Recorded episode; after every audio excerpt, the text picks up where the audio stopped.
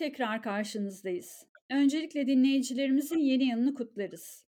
Bu sezonun ve tabii bu yılın ilk bölümünde Hatice ile pandemiyle modanın değişen sahnesini, eee, çehresini, dijital moda haftalarını ve bu bağlamda Türkiye'deki ilk dijital moda haftasını konuşmaya karar verdik. Merhaba Hatice, nasıl değişti moda sahnesi? Merhaba Şölen, merhaba dinleyicilerimiz. Herkesin yeni yılını kutluyorum. Eee, dilerim yeni yılda hiç aksatmadan podcast yayınlarımızı kaydedebilir ve paylaşabiliriz. Eee, moda sahnesinin değişiminin nasıl olduğuna dair soruna gelince eee, dijital moda haftalarının yapı- pandemide yapılabilmesi İstanbul Moda Haftası için de müthiş bir değişime, dönüşüme sebep oldu. Eee, bunu çok e, net görebiliyoruz. Bir kere çok demokratik bir moda haftası oldu. Herkesin kullanımına sunulan standart e, podyumda yer almak yerine daha özgür sunumlara sebep olacak mekanlar seçildi ve imkanlar çerçevesinde her tasarımcı koleksiyonlarının filmini çekme yoluna gitti. Kimi online defile ile sundu, kimi İstanbul'un ya da ülkemizin harika noktalarında filmini çekmeyi ve koleksiyonunu bir filmle sunmayı tercih etti. E, asıl etkileyici olan bana göre yabancı basının Moda Haftası Kurulu'nun profesyonel girişimleri sayesinde gösterdiği ilgi ve demokratik yaklaşımdı. E, bildiğin gibi Vogue Runway ve Business of Fashion seçtiği Türk tasarımcıların koleksiyonlarını yayınladı. E, böylece moda haftamız burada sürekli yer almaya başladı. Umarım bu şekilde de devam eder. Eee, sen bu konuyu önerince geçtiğimiz dönemde akılda kalan moda sunumlarına şöyle bir göz attım. Virüsün etkisinden ilk bölümde de bahsetmiştik. Adeta moda elden gidiyormuş, bir daha hiç defile olmayacakmış, hiç yeni bir giysi yapılmayacak, yeni bir şey satın almayacakmışız gibi karamsar bir ruh haline bürünmüştü moda dünyası. Ama sonrasında tüm kriz dönemlerinde olduğu gibi varlığını sürdürebilmek, ne kadar dirençli ve güçlü olduğunu göstermek için yeni çözümler buldu. Pandemi modanın yaratıcı dehasını bir kez daha zorladı aslında. Tıpkı İkinci Dünya Savaşı ve sonrasında olduğu gibi zaten böyle bir benzetme de vardı. Biraz o döneme geri dönersek, her savaş ve kriz döneminde olduğu gibi bu dönemde de moda yasakları vardı. Sınırlı sayıda ve belirlenen kumaşlar kullanılabiliyor. Atölyeler çalışmıyordu.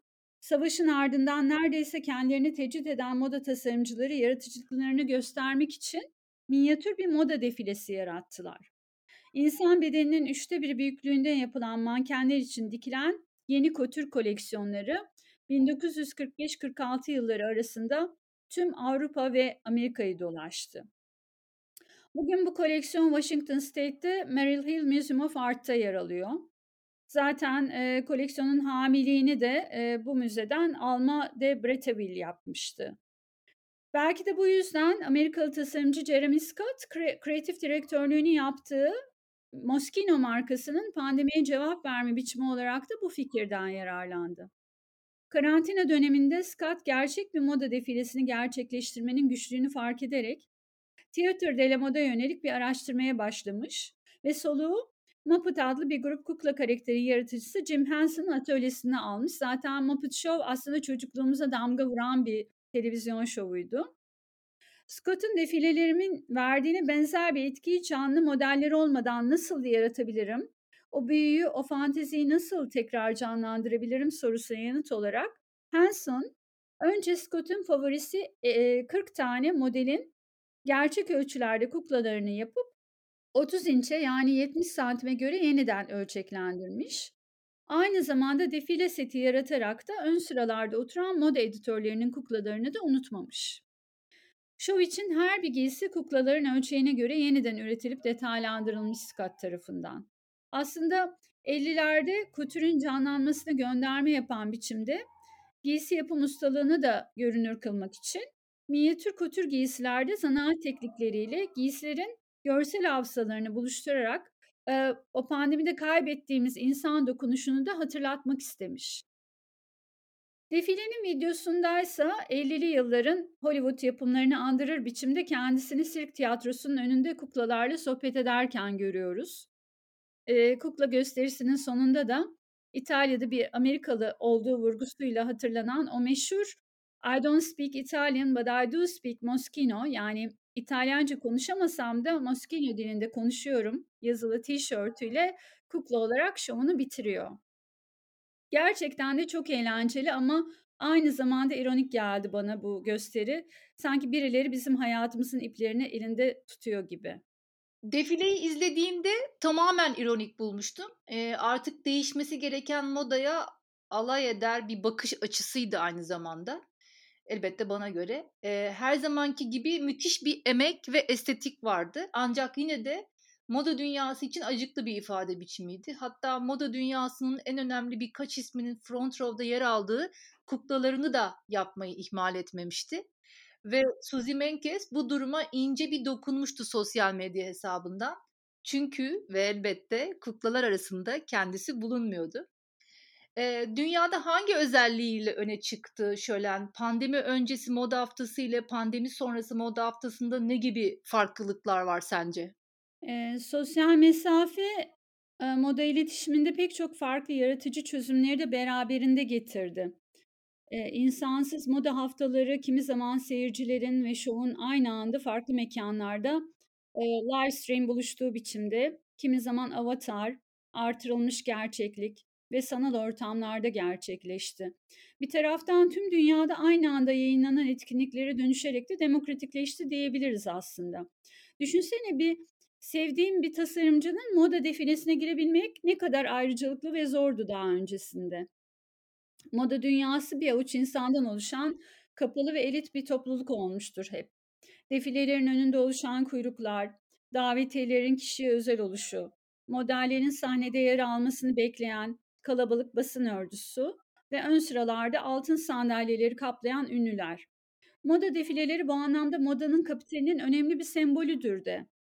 O gün orada olmak, defileyi canlı izlemek ayrıcalıklıdır. Ayrıca bunun için kilometrelerce yol kat edersiniz. Kompleks seyahat organizasyonları yaparsınız. Defilede izlenen kadar izleyenler de modayı belirler. Ön sıralar ve kapı önünde bekleyenler de.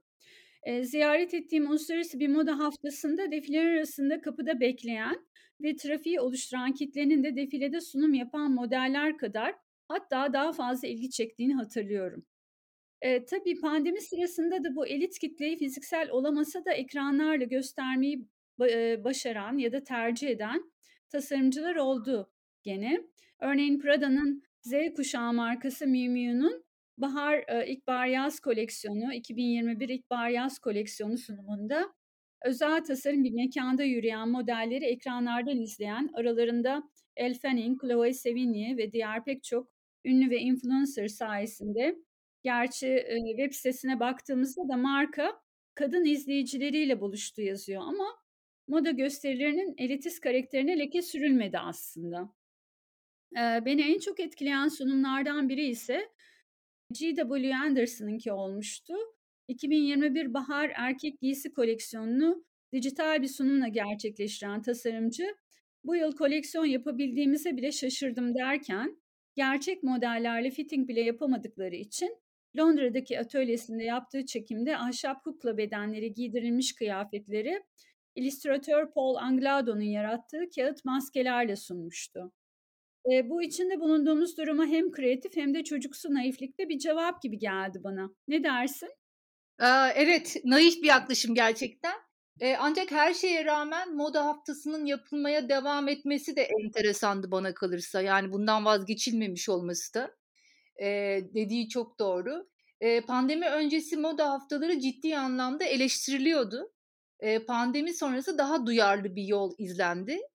Gerçi yüz yüze yapılmasının önemi pek çok global marka için hala çok önemli. Moda online sunumlarla demokratikleşirken diğer yanda, eee, biricikliğini kaybetti. Eee, mesela pandemi sonrası yapılan fiziksel defilelerin eskisi gibi etkiye sahip olmadığını bizzat görüyoruz. Çünkü biliniyor ki herkes bu defileyi izleyebilecek. Orada olmanın pek de bir anlamı kalmıyor. Eee, sürdürülebilirlik konusu ne kadar işlendi? Ne kadar gerçekti sence? Tabii gündemin, eee, en ortasında yer alıyordu aslında. Yani pandemi neredeyse 2. yılını tamamladı. E, bu dönem öncesi sesini duyuran sürdürülebilirlik söylemi pandemiyle birlikte ivme kazandı. Eee, bunu görebildik. Moda endüstrisinin çevresel ve sosyal etkilerinin böylesine görünürlük kazanması, koleksiyonların satılamaması, elde kalan stoklar, tedarik zincirinin akışkanlığını ve hızını kaybetmesi, hatta tıkanması ister istemez moda endüstrisinde yavaşlık, sezonsuzluk mesajını da yarattı. Doğal olarak, eee, moda defileleri adına ilk adım da bu yönde olmuştu. Anderson'ın söylediği gibi koleksiyon yapabilmek bile başarı oldu. Eee, aslında modanın defile yapamaması ister istemez, eee, zaten defile yapmak sürdürülebilir bir faaliyet değildi söylemini de beraberinde getirdi. Yaratılan karbon ayak izi, yüzlerce insanın dünyanın bir yerinden diğerine akışı, tonlarca enerji sarfiyatı ve harcanan paralar. Tüm bunlardan kurtulmuştu moda.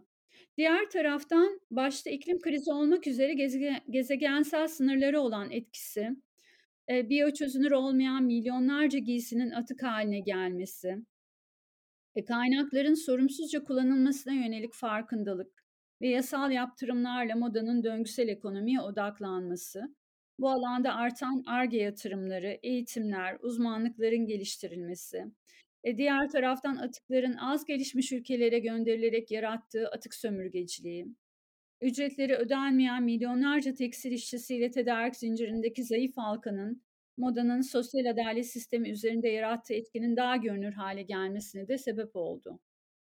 Eee, bu minvalde sosyal medyanın yarattığı farkındalık tabii çok büyük oldu. Diğer taraftan koleksiyonların döngüselliğine, kapsayıcılığına, yerel değerlerin ve zanaatlerin öne çıkışına, yavaşlığına tanık olduk. Türk Moda Haftası kapsamında dikkatimi çeken senin, eee, yeniden doğum koleksiyonundu. Ayrıca Hakan Yıldırım'ın yerel bir kumaşa verdiği avantgard görünüm, eee, ve Zeynep Tosun'un kadın emeği ve yüksek zanaat ürünü kotür koleksiyonu olmuştu.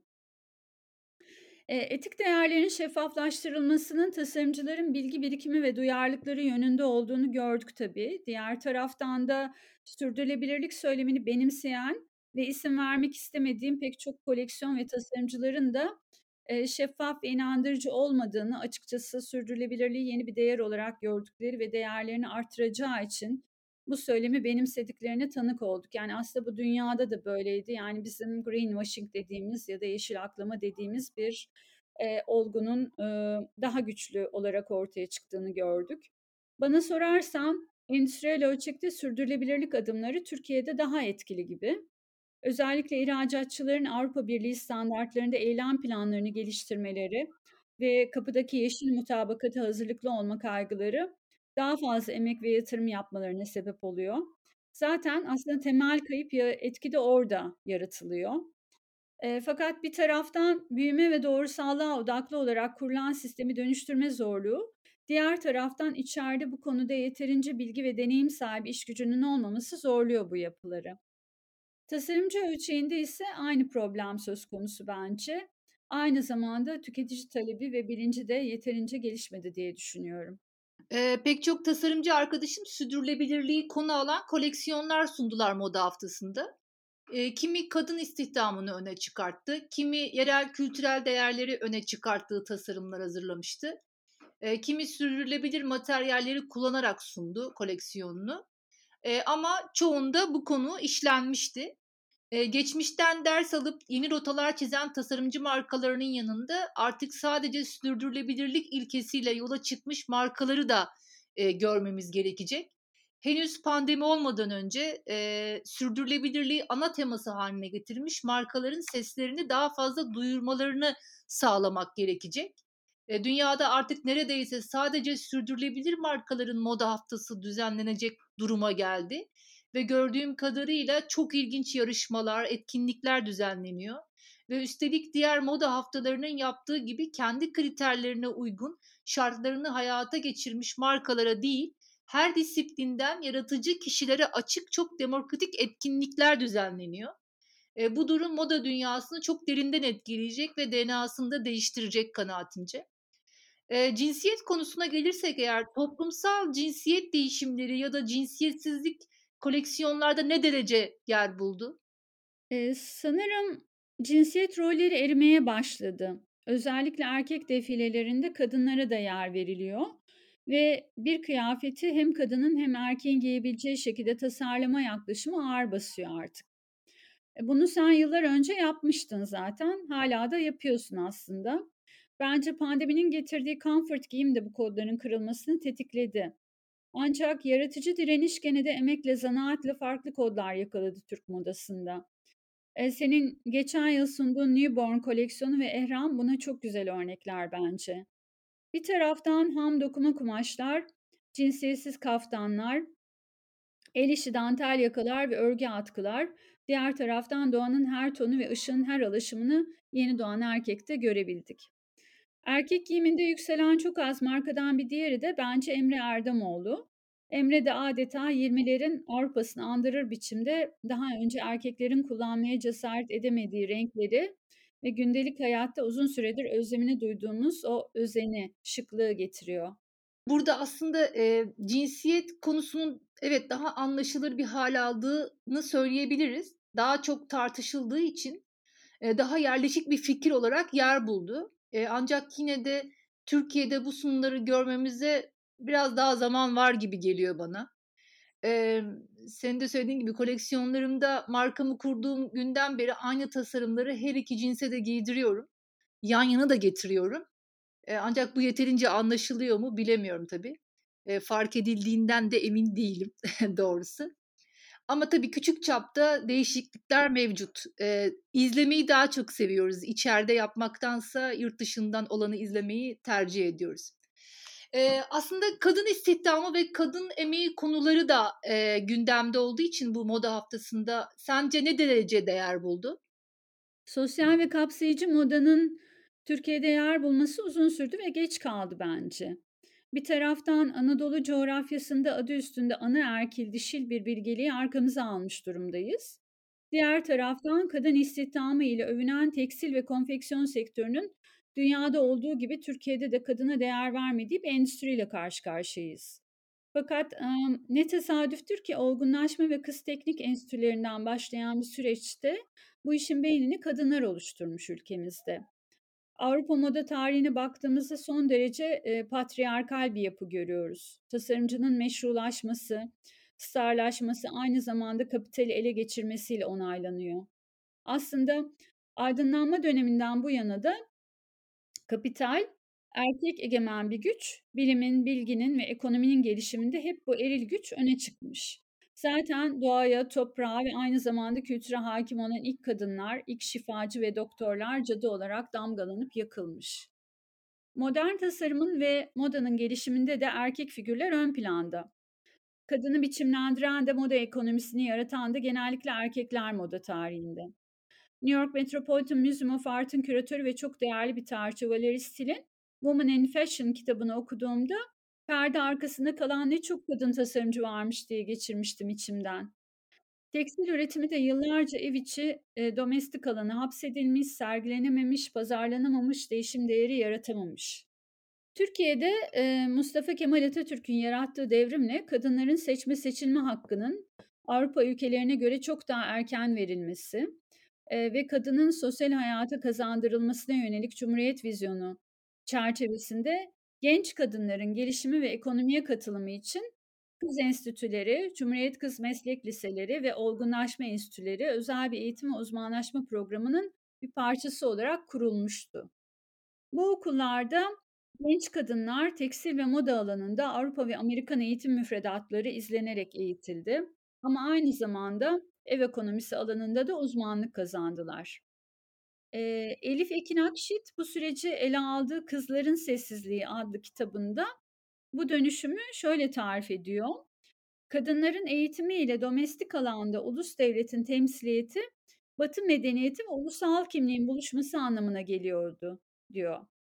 Türk tekstil zanaat geleneğini koruyarak kültürel kimliği yaşatırken bu yaklaşım ülkede üretken bir dişil istihdam yaratarak da alternatif bir ekonomi modeli oluşturmuştu ve kadınları güçlendirdi.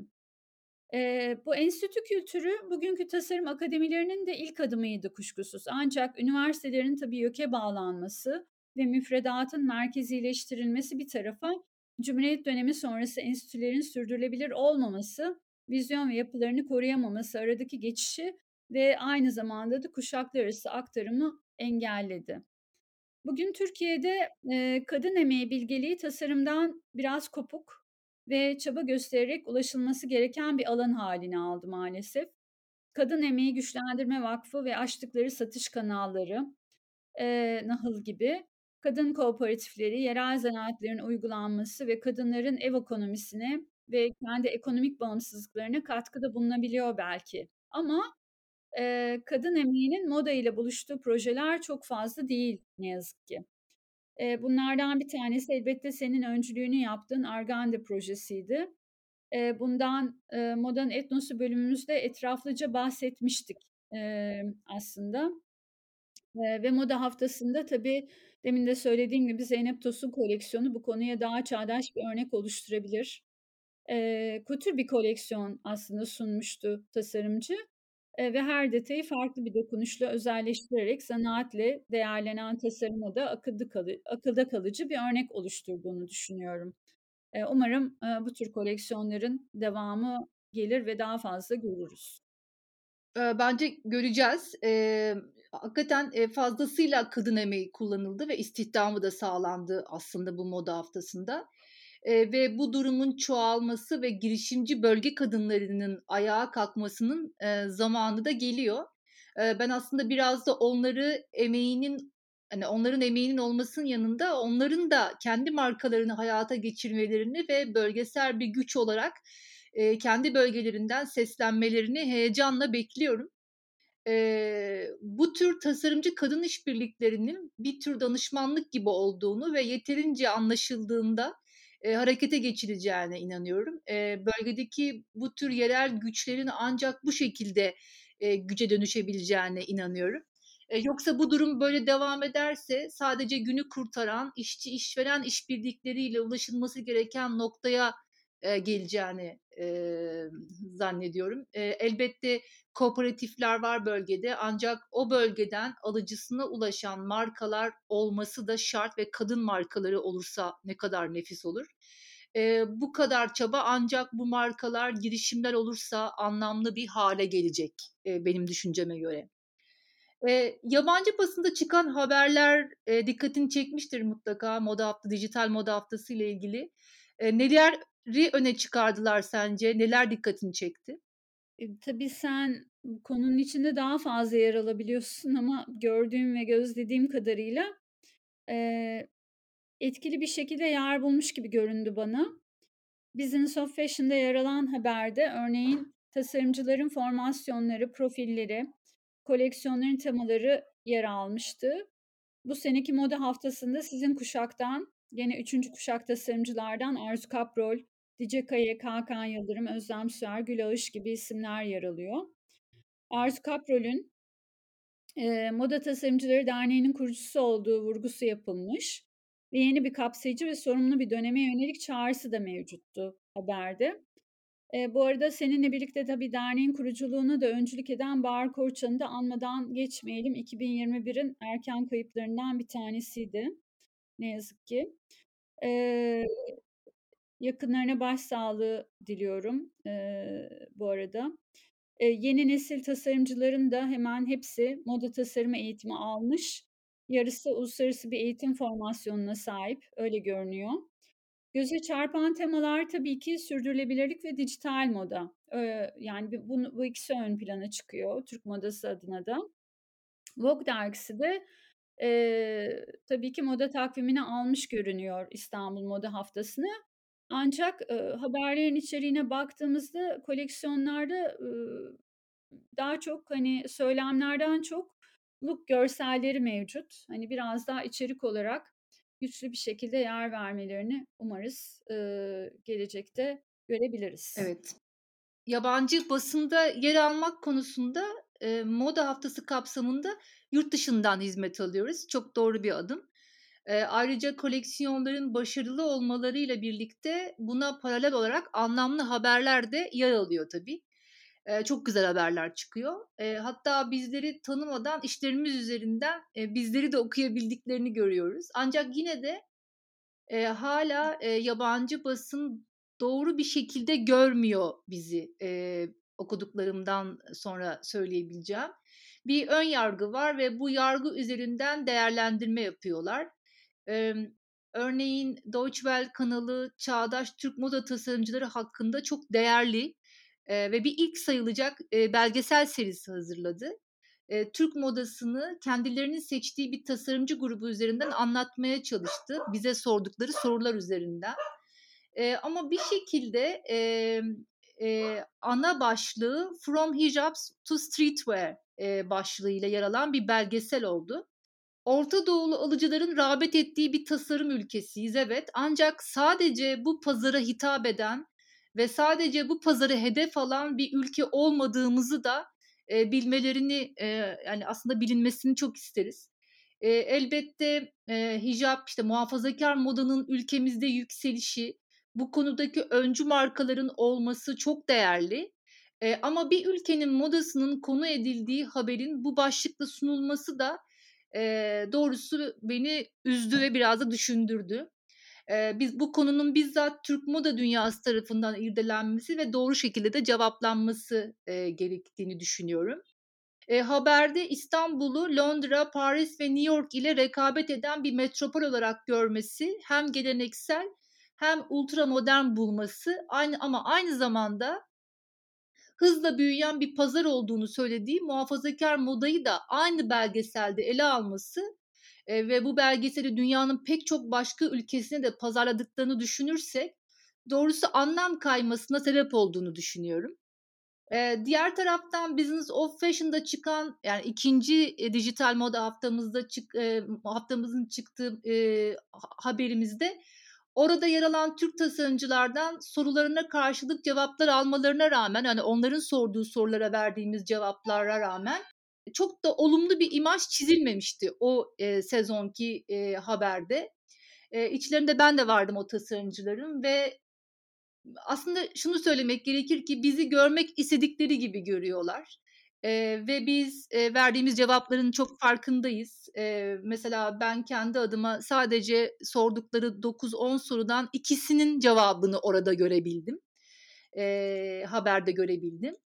E, tabii e, Business of Fashion haberini eleştiren bir tek Türk basını, Türk modası hakkında yazıları da bildiğimiz e, Milliyet'te yazan e, Çağdaş Ertuna'nın e, kaleme aldığı köşe yazısıydı. E, ve moda haftası neden olmuyor, e, neden olamıyor e, 25 Nisan 2021 tarihli bir yazısıydı. E, fakat bu haberde de top yine e, aslında bizde kalıyor. Oysa e, bu sefer her iki taraf da sanki haklı değil gibi. E, İstanbul Moda Haftası'nın dijital, sezonsuz ve cinsiyetsiz ikinci sezonu 13-16 Nisan'da sessiz sedasız gerçekleşti Peki ama bu sefer nerede hata yapıldı? Alt başlığıyla e, yazdığı köşe yazısında Çağdaş Ertuna'nın hem BUF'u yani Business of Fashion'ı hem de reklamım veren Moda Haftası komitesini eleştiriyordu. E, tabii çok doğru sorular e, bu e, eleştir hani bu konulara değinmek için çok doğru sorular. E, ama yine de e, hem yurt içinde hem yurt dışında çıkan haberleri düşünürsek e, Türk modası e, geldiği noktada e, bu tür eleştirileri artık aşmış olmalı diye düşünüyorum. E, kendi yolunda ilerleyen ve izlenmeyi hak eden bir haftanın e, elbet kendini en doğru şekilde ifade edeceği, anlayacağı, anlaşılacağı, tarafsız şekilde e, anlatacağı zamanı da geliyor. E, kendini, yani bizi görmek istedikleri gibi gördükleri e, için e, bu haberler yer alıyor e, bence e, verdiğimiz bilgileri dikkate almayan ya da görmezden gelen basın bizim e, için yani bizim yapacağımız şey bu basın için e, ısrarımız olacaktır. E, benim düşüncem bu. E, buradan e, Türk modasının yenilikçi sürdürülebilir tasarımcı markalarına gelmek istiyorum. E, sence varlar mı ve dünya bunu e, fark ediyor mu? E, yani tabii bu soruya cevap vermeden önce Demin söylediğin şeylere de küçük bir şeyler eklemek istedim şu anda. Yani Deutsche Welle'nin o belgeselini ben de izledim. Yani burada da işte bir bölümde konuştuğumuz gibi oldukça kuvvetli bir oryantalist bakış açısıyla karşılaştık aslında. Yani Batı bizi nasıl görmek istiyorsa öyle görüyor. Bir de şey de karıştırılmış gibi geldi bana. Yani burada hazır giyim olarak üretilen e, konservatif modayla tasarımcı eee, koleksiyonları da birbirine karıştırılmış gibi geldi bana. Yani, bu ikisi de çok farklı, eee, pazarlara sahip olan ve ayrı değerlendirilmesi gereken şeyler. Aynı zamanda tabii orada bir, eee, şimdi de sen bu konuyu açtın, sürdürülebilirlik vurgusu da vardı. Eee, bu da çok bence, eee, eksik ve, ımm, çok doğru yansıtılmamıştı diye gözlemledim. Ama tabii ki bunun sadece bir kesit olduğunu kabul ederek gene de, hani, bahsedilmemesindense bahsedilmemesi iyidir gibi bir bakış açısıyla da yaklaşabiliriz. Şimdi sürdürülebilirlik, eee, konusuna gelirsek, yani, sürdürülebilirliğin tasarımcıların derdi olduğu hem de yerelde hem, eee, globalde, eee, bir yankı uyandırdığını tabii gördük bu sene. Eee, hatta son 2 senedir çok güçlü bir biçimde görüyoruz. İstanbul'da gerçekleşen bir moda haftasından söz edildiğinde dünya tabii ki böylesine farklı medeniyetler görmüş. Anadolu coğrafyasından beslenen, eee, 70'lerden itibaren üretim know-how'ını, kaynak girdisini elinde tutan, kendi iç kaynakları güçlü bir coğrafyada üreten tasarımcılardan da böyle bir yaklaşım bekliyor. Doğal olarak bu coğrafyada yaşayan ve üreten tasarımcıların bu konuda bazı avantajları var. Eee, sürdürülebilir tasarımın malzeme seçiminden başladığını kabul edersek, bu konuda Türkiye'deki tekstil sektörünün hiç de küçümsenmeyecek bir kapasitesi olduğunu görebiliriz. Pandemi öncesinde öğrencilerimle Paris'teki Premier Vizyon Fuarı'na gittiğimizde trend alanında öne çıkan tema sürdürülebilirlikti tabii ki ve buradaki kumaş inovasyonlarının yarısının Türk firmalarına ait olması, göğsümüzü kabartmıştı açıkçası. Ancak, eee, tedarik zincirinde ne kadarı iç piyasada kalıyor ve ne kadarı koleksiyonlarda kullanılıyor, ne kadarı ihracata yönelik hazırlanıyor onu bilemiyorum tabii ki. E, organik pamuğun, eee, 1'inci kalitesini ihraç ettiğimiz, eee, ve 3'üncü kaliteyi dışarıdan aldığımız gerçeği gibi burada da çalışan tasarımcıların sürdürülebilirliğe yönelik Ar-Ge'nin ne kadarına hâkim oldukları da bir muamma. Senin de bildiğin ve yaşadığın gibi bu coğrafyadaki tasarımcıların endüstriyel ve kurumsal bir yapıları maalesef yok. Farklı endüstrilerle işbirliği yapma, devlet ve özel sektör destekleri de oldukça zayıf. O yüzden de, eee, prêt-à-porter markalaşma çabaları pek bir sonuç vermedi. Hâl böyle olunca ürünün yaşam döngüsünden iplikten üretime, tasarımdan ürüne, müşteriye kadar her aşamayı tasarımcının yönetmesi ve vizyonunun bu konudaki bilgi birikiminin çok kuvvetli olması gerekiyor. Diğer taraftan, eee, globalleşememe, yerel kalma, şeffaf olma gibi yavaş modaya özgü artı değerler de getirebilir aslında. Eee, bugün sürdürülebilir olmak her marka için bir artı değer tabii ki. O yüzden yeşil aklamaya müsait bir alan oluştu demin de bahsettiğim gibi. Çok iyi ve yetenekli tasarımcılarımız var ama şu bir gerçek ki pek çok tasarımcı 2 sene öncesine kadar böylesine bir duyarlılığa sahip değilken şimdi çoğunluğu sürdürülebilir tasarım yapar hâle geldi.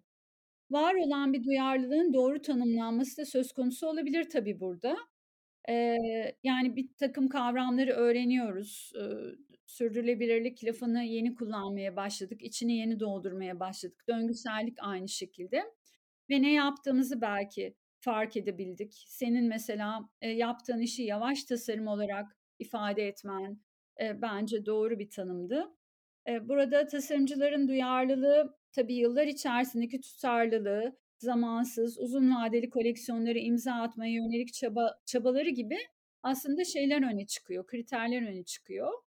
Eee, diğer taraftan yapılan iş müşteri ölçeğinde karşılık bulamıyorsa, yani sorumlu ve etik tüketim kültürüne hizmet etmiyorsa orada da bir problem var gibi gözüküyor. Bu noktada da tabii işin başındayız diye düşünüyorum.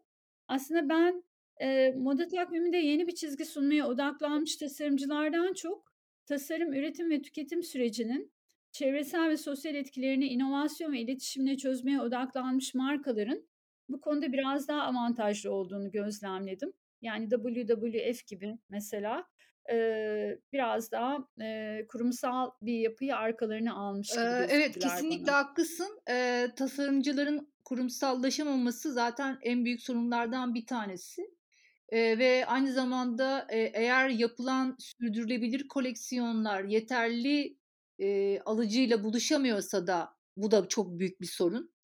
Eee, buradaki sorun tüketicinin yeterince bilgilendirilmiş olmaması. Eee, tasarım ürünleri olan ilginin daha çok özel günlerde kullanılır algısının yaygın olması, eee, hazır giyim tasarım markalarının güçlerini büyük markalardaki gibi kullanabilme şanslarının da, eee, olması şart. Yani, eee, henüz bu ortam oluşmuş değil. Eee, online satış kanalı bu geniş pazarı yaratmada ilk akla gelen, eee, yer ama oraya da yatırım yapılması gerekiyor ve burada tabii ki, destekler, gerekiyor. Yatırımcılarla, bir arada olmak gerekiyor. Bir tasarımcı markasının, mağazalaşmak yükünü azaltarak onu daha nasıl yaygın ve bilinir hâle getirebileceğimizi düşünmek belki ilk başlığımız olabilir. Eee, couture, haute couture gibi evet, bu konular bizim çok iyi yaptığımız, eee, çok iyi olduğumuz alanlar. Ancak hazır giyimde de, eee, tasarımcı markalarının var olmasını sağlamamız ve bunu yaygınlaştırmamız gerekiyor. Bu gerçekleşmediği için de tasarımcının görevi olan bu sürdürülebilirliğe talebi arttırmak konusu ne yazık ki lüks bir kategori olarak kalmasına da sebep oluyor. Eee, benim düşüncem bu. Aslında tam da buraya gelmişken biraz da dijitalleşmeden bahsetsek, eee, moda sahnesinde sence nasıl yer buluyor dijital şov şovlar? Aslında gördüğümüz şovların tam olarak da dijital olduğunu söylemek de zor. Yani bir dönem avatarlarla, dijital giydirmelerle örnekler gördük. Eee, hatta biz, İ İzmir Ekonomi Üniversitesi'nde böyle bir şov yaptık, ııı, mezuniyet defilesi olarak. Küçük ölçekte bu tür çalışan firmalar da mevcut Avrupa'da, Fabrikant gibi. Eee, bu Modanın Teknosferi bölümümüzde de bu konulardan çok, ııı, bahsetmiştik yoğunlukla. Firmalarla da işbirlikleri yapıyorlar bu, ııı, küçük markalar. Eee, Balenciaga'nın 2020 sonbahar kış koleksiyonu After World: The Age of Tomorrow sunumu çok ilgimi çekmişti. Eee, 7 dakikalık kısa bir film yapmış, eee, marka. Burada fotoğraf, film yapım teknikleri, artırılmış gerçeklik, mekâna giydirme, çok ortamlı sunumlar, post apokaliptik bir dünya senaryosu anlatıyor. VR gözlüklerle izlenebilen bir oyun tasarımı ile sunuluyor, ııı, şov ve tabii Nikon, Microsoft gibi firmalarla işbirlikleriyle 3 boyutlu sanal bir yolculuğa çıkartıyor izleyiciyi. Türkiye'de, eee, dijitalden anladığımız moda filmleri oldu bu süreçte. Yani sosyal mesafeli, seyircisiz koleksiyon sunumlarında ya kurgusu olan, eee, ve post prodüksiyon sürecinden geçmiş kısa filmler ortaya çıktı daha çok. Koleksiyonun ruhunu, moodunu anlatan ya da teknik bir defile sunumu oldu kimi zaman. Tıpkı fotoğraf çekimi gibi tasarımcılar temaya uygun farklı mekân arayışına girdiler. Outdoor mekânlarda, suyun ortasında, kırda, tarihi bir mekânda çekim yapmak koleksiyonlara dikkat çekici ve hoş görünen görsel bir fon oluşturdu. Eee, aynı zamanda tabii yurt dışına da toparlanabilecek belki eee, kültürel ve tarihi kalıtım göstergeleri de oldular bence bu mekânlar. Evet, emm, şurada katılıyorum sana. Eee, teknolojik yenilikleri kullanmak, eee, tasarımcı markaları için gerçekten çok maliyetli. Bir de genellikle couture ve haute couture tasarımlar için de, eee, bu tür, emm, yenilikler sanki adaptasyon açısından zor gibi. Yani, eee, olmaz demiyorum, eee, çok da güzel yapılır ancak müşteri kitlesi buna uygun değilse, eee, tasarımcının aklına bile gelmeyebilir aslında bu tür dijital, eee, teknolojik yenilikler. Eee, bir de çok fazla işbirliği gerektiren bir alana dönüştü dijital moda haftaları. Eee, şimdilik bugüne kadar neden kullanmadığımızın sorgulanması, eee, gerekecek. Ama sanki bir süre daha elimizdeki kültürel değerlerle yapmaya devam edecekmişiz gibi görünüyor. Eee, biz çünkü henüz buna yeni başladık aslında. Eee, bizim teknolojik olana adaptasyonumuz geç olur ama o da başarılı olacaktır. Eee, belki de dijital olanla hak ettiğimiz kıymeti buluruz. Belli mi olur Şölen? Umarım. Yani çok özledik aslında buluşmaları. O insanların verdiği biyoenerjiyi, birlikte olmayı ama bir taraftan dediğin gibi, sunumların alanının genişletilmesi de daha fazla insana ulaşmaya sebep oldu. Daha fazla kültüre, daha fazla coğrafyaya. Bu da aslında olumlu bir şeydi. Şöyle bir evet, pandemiyle başlayan ve hâlâ ne yazık ki, bitmeyen bir süreç içerisinde modanın değişen sahnesini, yeni iletişim ve temsiliyet biçimlerini konuştuk bu bölümde. Moda Personası bir Podfresh yayını. Düşüncelerinizin, sorularınızın, paylaşımlarınızın bizim için değerli olduğunu hatırlatmak istiyoruz. Bize eğer ulaşmak isterseniz, eee, Moda Personası Instagram hesabımızdan ya da modapersonasi@gmail eee, nokta com'dan, eee, ulaşabileceğinizi hatırlatmak isteyerek veda etmek istiyoruz. Umarım bir sonraki bölümde, eee, daha enteresan konular buluruz, ııı, ya da devam ederiz konuşmaya çok fazla ara vermeden. Hoşça kalın. Sevgiler, hoşça kalın. Modadaki yenilik tutkusu uzun zamandır değişim yaratmıyor. Dileğim çok yakında bir üretim ve tüketime odaklanan değil, türetime, dayanışmaya, sorumluluğa, dönüşüme ve sosyal adalete odaklanan bir moda sisteminden söz edebilmek.